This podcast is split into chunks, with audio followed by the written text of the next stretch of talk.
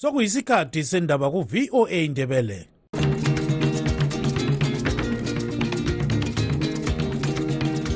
amatshono zihlobo siyalamukela kuhlelo lwethu lwezindaba eziphathelane lezimbabwe. Kustudio 7 eye-voice of america sisakaza sisewashington dc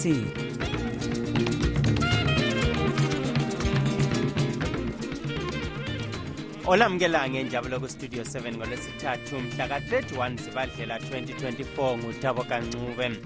Endabeni zethu lamhlanje owake wamela izengeza west edole lephalamende umnumzana job sikhala okhululwe ejele izolo ngemva kokuvalelwa kweminyaka phose emibili 19 months. Uthi okwamanje usacabanga ukuthi alubhekise ngaphi kwezombusazwe inhlanganiso ye-united nations population fund ibika ukuba untombazana oyedwa phakathi kwabalithumi ezimbabwe uyazithwala engahlelanga kumbe ngemva kokudlwengulwa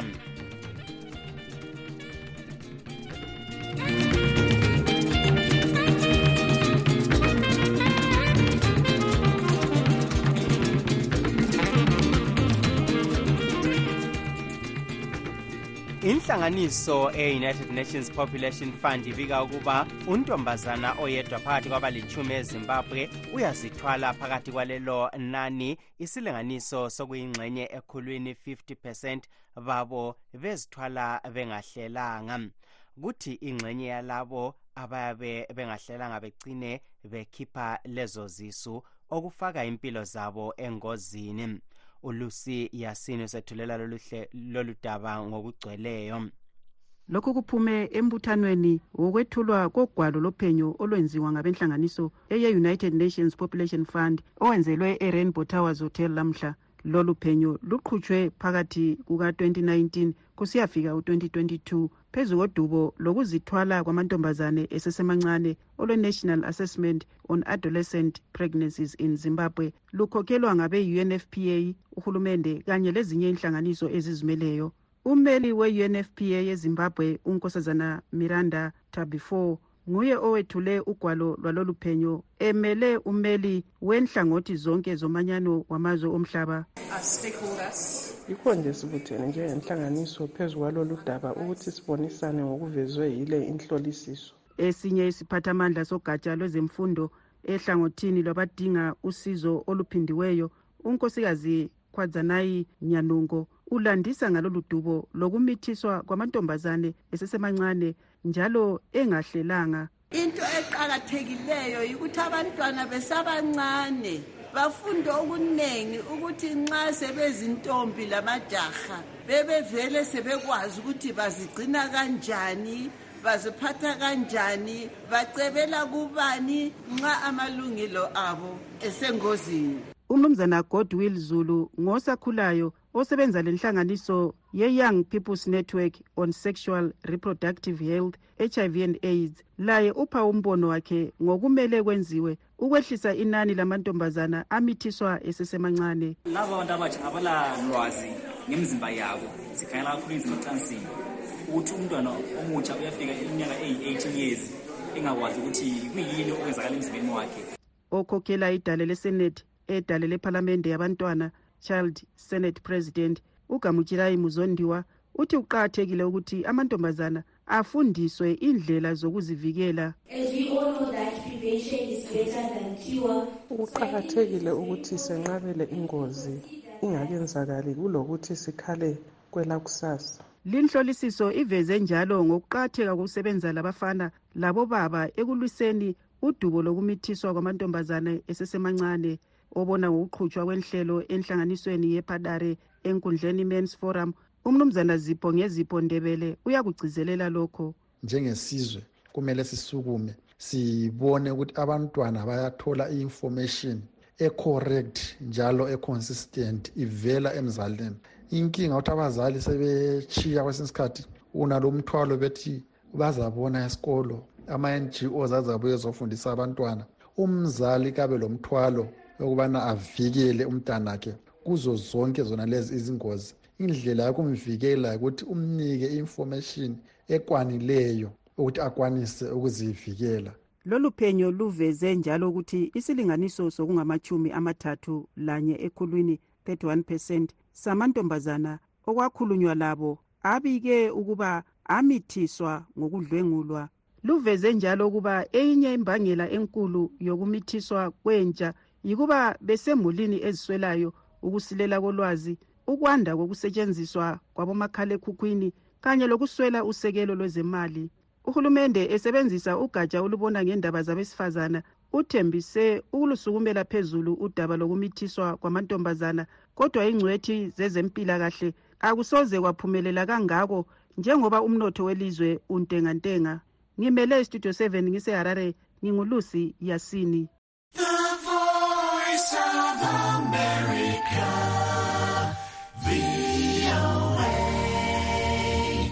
Amabandla aphikisayo athi avumelana lophenyo olwethulwe izolo inhlanganiso ye-transparency international oluveza ukuthi izimbabwe iqhubeka ingeyinye yamazwe alenkohlakalo eningi i-corruption emhlabeni jikelele.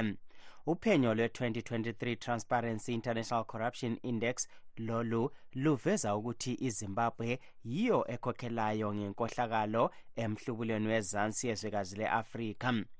Izimbabwe ithole imiklomelo engamachumi amabili lane 24 points kuphela phakathi kwemiklomela elikhulu okutsho ukuthi ngempela imisebenzi yenkohlakalo ibhahile kuleli lizwe. Nyakenye umsakazo we-al jazeera wethule ifilimu eveza sobala imisebenzi yenkohlakalo enziwa ngezinye iziphathamandla zikahulumende ekwebiweni kwegolide lezimbabwe lisiyathengiswa kwamanye amazwe. Sixoxele lunga le-triple c umnumzana swithen chirodza yena othi ngempela inkohlakalo ibhahile ezimbabwe. Izimbabwe ikhokhela ngendaba ze-corruption ngenxa yombusazwe owezanu p f.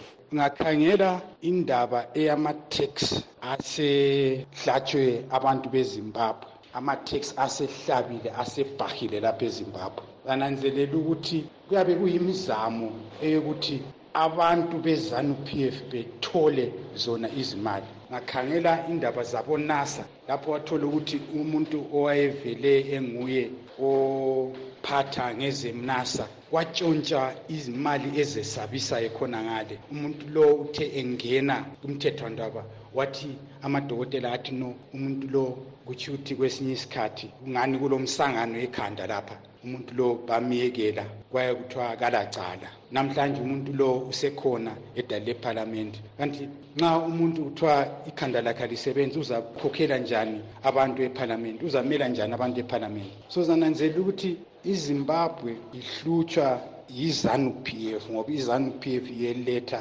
umkhuba wonalo. Lithi lina uhulumende kazimiselanga ukuqeda inkohlakalo elizweni kodwa sizwe umtshutshisi omkhulu kahulumende izolo ethembisa ukuthi bazimisele ukubopha zonke izikhohlakali ngitsho labezombusazwe. E kanti uthe bakhangelele ukuthola imali engange 1 billion US dollars lonyaka abazayithathela abantu abakhohlakeleyo ungananzelela izithembiso ezibekwe nguye umnankagwa bekuyizithembiso ezokuthabisa abantu. Ufake ikomiti khangela ngendaba ze-corruption ikomiti eyokubopha abantu abayizigange ababe yenza leyo corruption. Yona leyo komiti sokusazakala ukuthi yehluleka umsebenzi. Umnumzana swithen chirodza lilunga le-triple c sixoxe njalo lelunga lezanu p f umnumzana malaki nkomo yena othi uhulumende wenza konke okusemandleni akhe in gizo na da kuma kishi na zimbabwe ya to ukuthi into yazo lezo esikhuluma ngazo um esingathi ngeze-corruption zivele azifunakali. Njalo lebandla le-zanup f likubeka sobala ukuthi izinto ezinjana izinto ezingavumakaliyo yikho linanzelela ukuthi lo mongameli welizwe wakhetha ukuthi kube likhomishini ekhangela khonokho okuyizinto okungani kulokuthi abantu baphatha izinto ngendlela engayisiyo so mina angeke ngivumelana nabantu abathi izimbabwe ile-corruption engabe inkulu kakhulu kumbe ikhona ebonakalayo okuthi uhulumende uyayivumela abantu bangabe bekwenza bechagile bengangani but uhulumende kube into angeke ayivuma kumbe ahambelana nayo ngoba vele uhulumende into khuluma ngayo kho sibona abantu abaningi bebotshwa. Kodwa ababotshwayo laba nkomo abanye bayasola bathi hayi ngabantukazana nje. Abantu abancane bathi zona ingqungquthela zenkohlakalo zikuhulumende njalo kazibanjwa. Yebo sesike sabona kubotshwa abezombusazwe lapha lalaphaya kodwa abanye bathi hayi eh labo ngabantu nje abayabe bephoxane lomnankakwa njalo kaningi bayabotshwa nje uzwe kuthiwa icala seliphelile. Abantu abanjalo ababuyephambi babe lobufakazi ngoba isikhathi esiningi kanti ukuthi umuntu lowo ucorrupt umuntu lowo utshontshile umuntu lowo wenze lokhu akabotshwe. Kodwa kuyikuthi kuyizondo okunye kwakhona kuyindlela ukuthi abanye abantu babe beyindlela ukuthi babe bahamba nje uhulumende okhona. Ngokubona kwakho nkomo ungathi uhulumende wenza konke afanele ukuthi akwenze yini? Kumbe kukhona lapho kusilelayo ongaxwayisa khona ukuthi akubambe? Ngibona amapholisa labanye abaqondane indlela eziqondane lokuthi kutholakala i-corruption zihambela phezulu ukuthi zibambe abantu abaphambanisa umthetho. Umnumzana malaki nkomo lilunga lezanu pf ubexoxa ecingweni lontungameli nkomo owestudio 7 esefelabusi ekhuluma emkhosini wokwethula uphenyo lwe-transparency international eharare izolo umtshutshisi omkhulu kahulumende ujustice matanda moyo uthe uhulumende wenza konke akwenelisayo ukulwisana le nkohlakalo njalo ukhuthaze uzulu wezimbabwe ukuthi abambane ekulisaneni lemisebenzi yokungethembeki.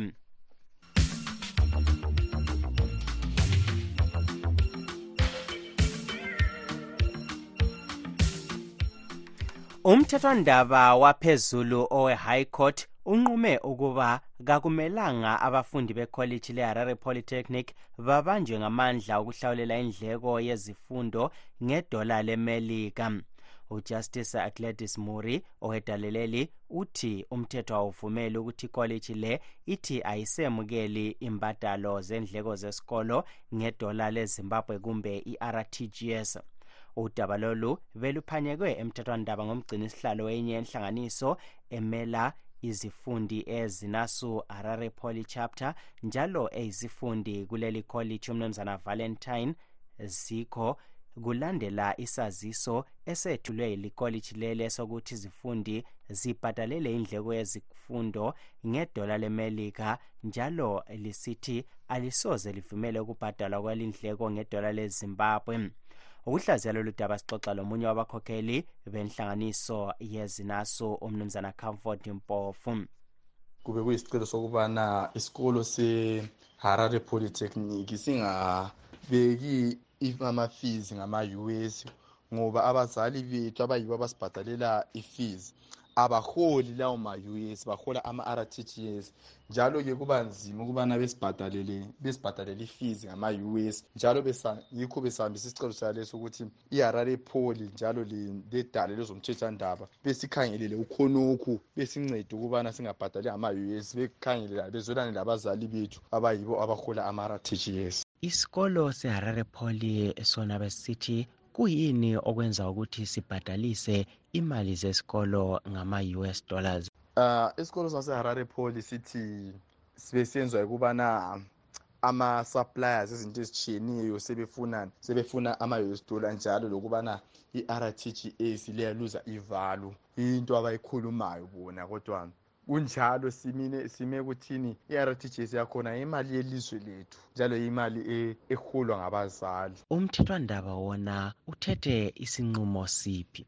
Umthethwandaba uthi amafundi sibhadale nge-rtgs kuhamba ngerate lalelo langa ku-interbank nge-interbank rate sibhadale nge-rtgs isinqumo lesi lisibona njani? Sona isinqumo esilungileyo njalo esingayenza ukuthi abazali bezame ukuyithola kodwa akumelanga azivumele ukubana ifees ikhwele isedlula imali zabazali even ngange-rtgs yakhona. Yikho kumele sikukhangelele njalo sikulwele kathesi abanye bathi yebo lingabe linqobile kulimpi kodwa udubongo lokuthi izifundi zizahamba esikolo kodwa azisoze zithole imfundo ngenxa yokuba imali yama-rtgs ingathengi lutho. Lina likubona njani lokho? Thina impethu sikhangelele i-academic freedom yinto esiyikhangeleleyo academic freedom for everyone academic freedom ngesikhathi sonke sisaphila and isikhathi sonke sisafunda.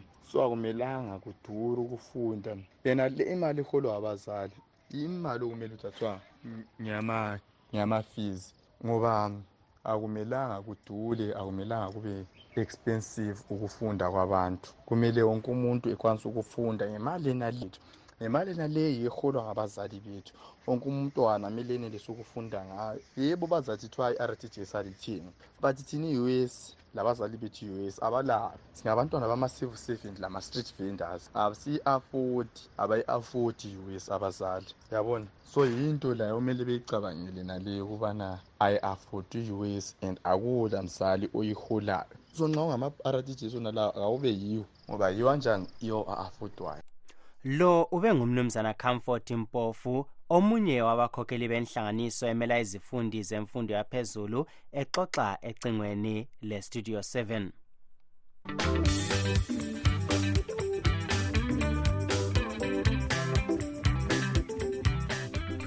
owake wamela izengeza west edale lephalamende umnumzana job sikhala okhululwe ejele izolo ngemva kokuvalelwa okweminyaka phose emibili one year seven months.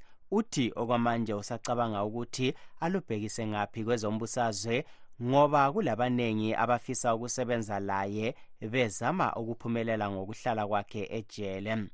Uthi bakhona abantu ayecabangela ukuthi bazazama ukuncedisa ukuba akhululwe kodwa bathula zwi kubika umlondolozi ndlovu ekhuluma lentatheli izindaba esemzini wakhe eSt Mary's eChitungwiza namuhla. Usikhala uthe uyajabula ngokuphuma kwakhe entolongweni. Ubonge kakhulu abantu bonke kanye lentatheli izindaba ezibikele umhlaba jikelele ngokuvalelwa kwakhe nguhulumende kamongameli emerson mnangagwa. This does not deserve hum- human, human survival. Fortunately, myself, I had both my family and the, the masses of our people who were looking after me.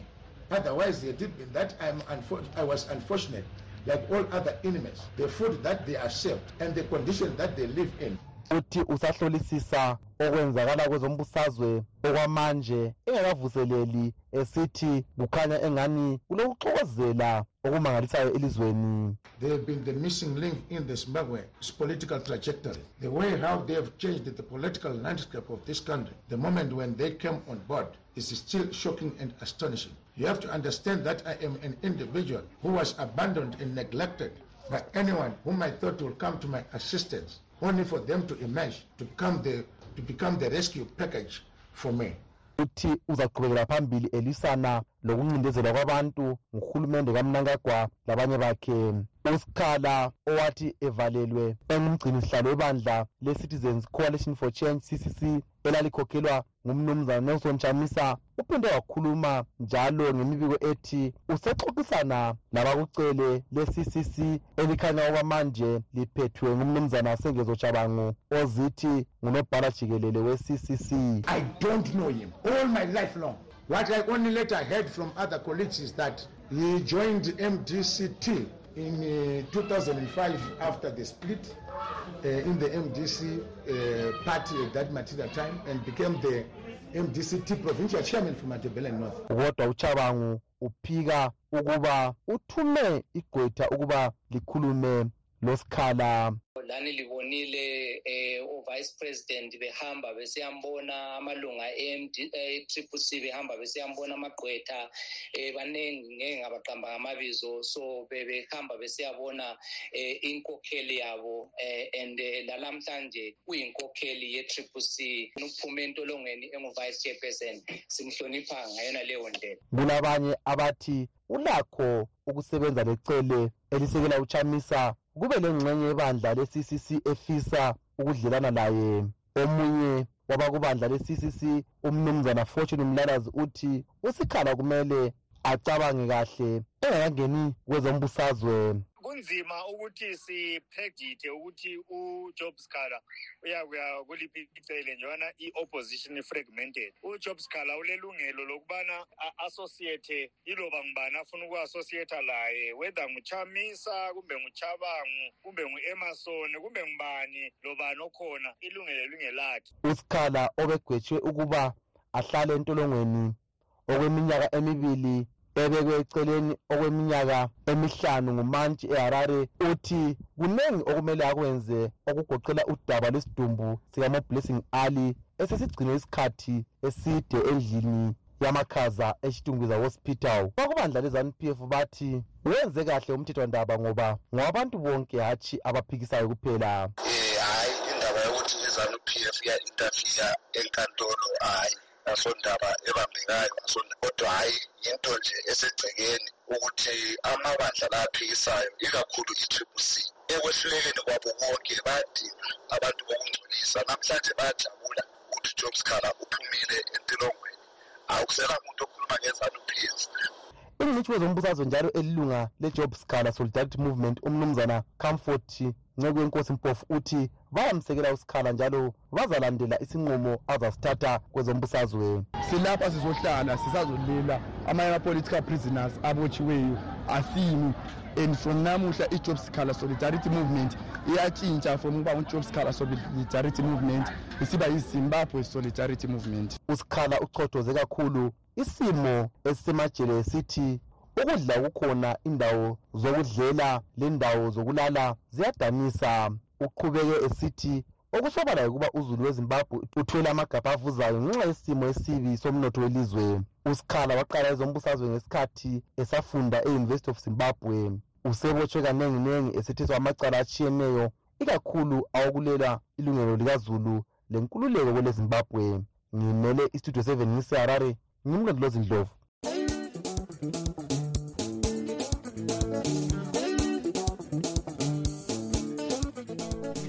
esigabeni sabadabuka ezimbabwe asebehlala kwamanye amazwe namuhla sixoxa lonkosazana nokuthokoza yolanda nyathi ohlala kwele island. Uxoxa logibbs dube ostudio 7 njengomuntu okhulele eplumtree ngikhulele esigabeni lapho abantu abasebenzisana khona ndawonye right? so umama wami esemuve wayensuza ngeke ngabona ukuthi ngenye into elekhaya ku-community. I tried ukuthi engakwenzayo ukugebhela umama omgodi ngazama ukuthi umama esebenzisane labomakhelwane bakhe. But kwehlula kancane. Mina ngazama ngibe ngihamba ngiyekhaya ngifike ngilime. Kulo mnyaka engike ngafika khona ngalima imbambayela sibili. Ngabuyela after six months ngathengisa ngathola amasaka angu-twenty to twenty-five amasaka right. Okwamanje ngifuye inkukhu zisemakhandeni ezinye zisemahachula ezinye zisenketha. Then emzini wami ngale engiyakha khona yile project yokwenza imbuzi. Though ngingakaqali ukwenza imbuzi imbuzi zami zisasensuzo kwamanje. Mm, kodwa ubona zano inhlelo zakho zonke lezi eh zinjani? Labantu bathola ulwazi phakathi kumbe zibe vele sebesenza khonokho okwenzayo um abantu engibonayo mina ngabantu besindebeleni siyalekha mbijana. Abantu besindebeleni sifocusa kakhulu ekusebenzeni. Like uye wambuza ukuthi ngihlala kuphi? Currently i'm in ireland. I've been in ireland for over 20 years. And since i came to ireland i've i've noticed ukuthi i'm more african than being irish.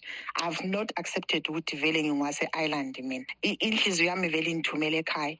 Ngiyasuka mina ngiyehlala ekhaya maybe aboma-four months ngishiye umsebenzi ngihambe ngiyenza ama-projects ami ekhaya yabo how uh, abantu bekhaya are getting involved entweni zokwakha zoku- zokulima baslow kakhulu. But it's one thing that engifuna ukuyi-enforca ku-community yami ibe khona. So ubona zani uzabe ubatshelani ngezokulima lapha lento ezinjalo i-good example esilayo ngento zokulima eng- engibabonisa khona yi-market yase- yakobulawayo. Wangena ku-market yakobulawayo i-market yakobulawayo ingcolile. Why ingcolile? From my own observation is because abantu abal- abalaphana akusoba ngabantu abangahlali kobulawayo abantu abangelazi indawo kobulawayo. So babuya bevela kobogokhwe ngaphi ngaphi endaweni zemashonaland bezodlela khonaphana batshone khonaphana belale khonaphana basoye ngokuyawoda yikho kwenza khonokho sokuthi abantu benzeni balime bahambise khonapho yes. The why thina kumele sibe yi-target market. We should be able to produce izinto thina ezibulawayo sizenzele izinto zethu. Ngoba lathi umhlaba siwuphiwe akudingakali ukuthi umuntu ukuthi azezebe le plaza ukuze luthe lima. Yena lani i-three hectares eh, i-three acres kumbe i-twelve acres kumbe i-five hectares eh, acres esiphiwa yi-government as ama- amasimu siyakhona ukuyi-converter to an agricultural land isinikeze something. Moreover siyaphiwa izibaya siyaphiwa lamadlelo ezinkomo. Ye khonapho uzutshaye imbambayelo yonke leyi? Akubatsheli ukuthi abantu wakwenza njani? Eh ngathatha abantwana abancane ngoba I believe ngiyalima imbamba ngalima imbambayela ngahlanyela lezihlahla enye into engakutshelanga yona ukuthi ngilabantwana mina abantwana bakabhuti wami abantwana babobani bani anitsho akwazi vele ukuthi njengama-africans i- ifamily ihlala iningi so engakufundisa abantwana ukuthi intanga abayidlayo kumele bebekwazi ukuthi intanga ngubaba wabo right? So abantwana bengadla intanga bayahlanyela angithi so ekuhlanyeleni kwami imbambayila ngahamba ngaqala laba abantwana ngabafundisa ukuthi asihlanyeleni imbambayila asihlanyeleni izihlahla. Izihlahla in the next three years abe zilibhadalela i-school fees. Sahlanyela imbambayila. After six months labantwana imbambayila sihamba sayigebha sisonke futhi sathengisa sathenga amabhuku esikolo senze sikwenzayo ngembambayila valalisa uzulu khonapho mama wonke umuntu ngelanga udinga ifama kathathu. Ekuseni kumele uvuke udle kuvela ku-farming. Emini kumele udle kuvela ku-farming. Ntambama kumele udle uvela ku-farming. Udokotela simbona maybe once in a while. So umhlaba uqakathekile. Umhlaba kumele siwusebenzise. Let's utilize the resources we have around us. Siyeke ukucomplaina nge-marginalization. Lo ube ngunkosazana obekhuluma lo Gibbs Dube eh khuluma kuhlelo lwaba lwabadabuka eZimbabwe asebehlala kwamanye amazwe. Osaphethe isikhundla sokuba ngumongameli welizwe umnumzana Kembo Mohadi oyisiphathamandla sebandla leZANU-PF uthi uhlelo lokusilela kwamanzi luzaphela du edolobheni lakobulawayo kungakafiki umnyaka ka-2030 ngoba uhlelo lwemathebeleland zambezi water project selusemaphethelweni. Usanda kukhuluma la mazwi esembuthanweni wokukhankasela umnumzana joseph chuma owebandla lezanu-pf oncintisa kukhetho lokudinga ozamela iphelandaba chabalala edale lephalamende.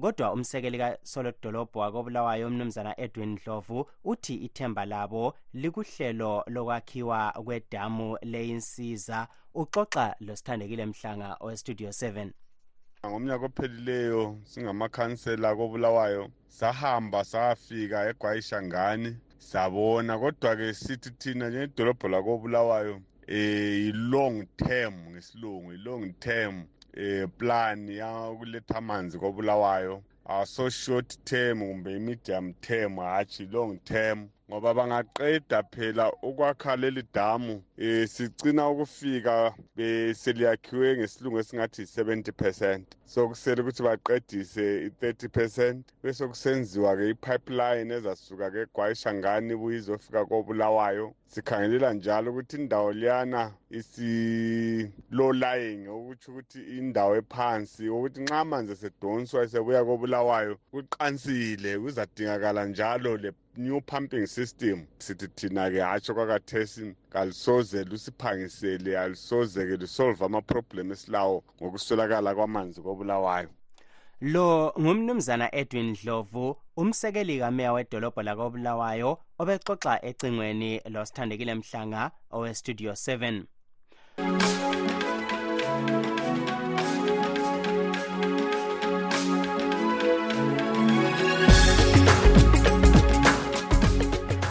lingakhohlwa uhlelo olulandelayo olwe-live talk kuhlelo diaspora forum lapho esizwa imbono yezizalwane zezimbabwe esezihlala kwamanye amazwe ngokukhululwa kukamnumzana job scala kanye lengxabangxoza ekubandla le-triple sim singake hlukani zihlobo sikhangele ezinye zendaba ebezikhokhela owakwamela izengeza west idalelo lephalamende umnumzana job scaler uthi yena okwamanje usacabanga ukuthi alubhekise ngaphi kwezombusazwe silugqiba-ke lapha uhlelo lwehla namhlanje olivalelisayo ngudabo kancube lisale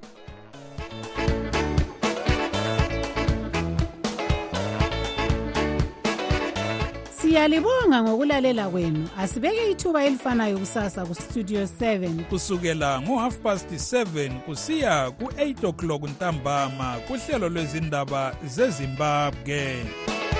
Tinotenda nekuteerera chirongwa chedu. Teererai zvakare mangwana kubva na7 p m kusvika na730 p m. Apo tinokupai nhau mururimi rweshona. Lilani. Murara zvakanaka mhuri yezimbabwe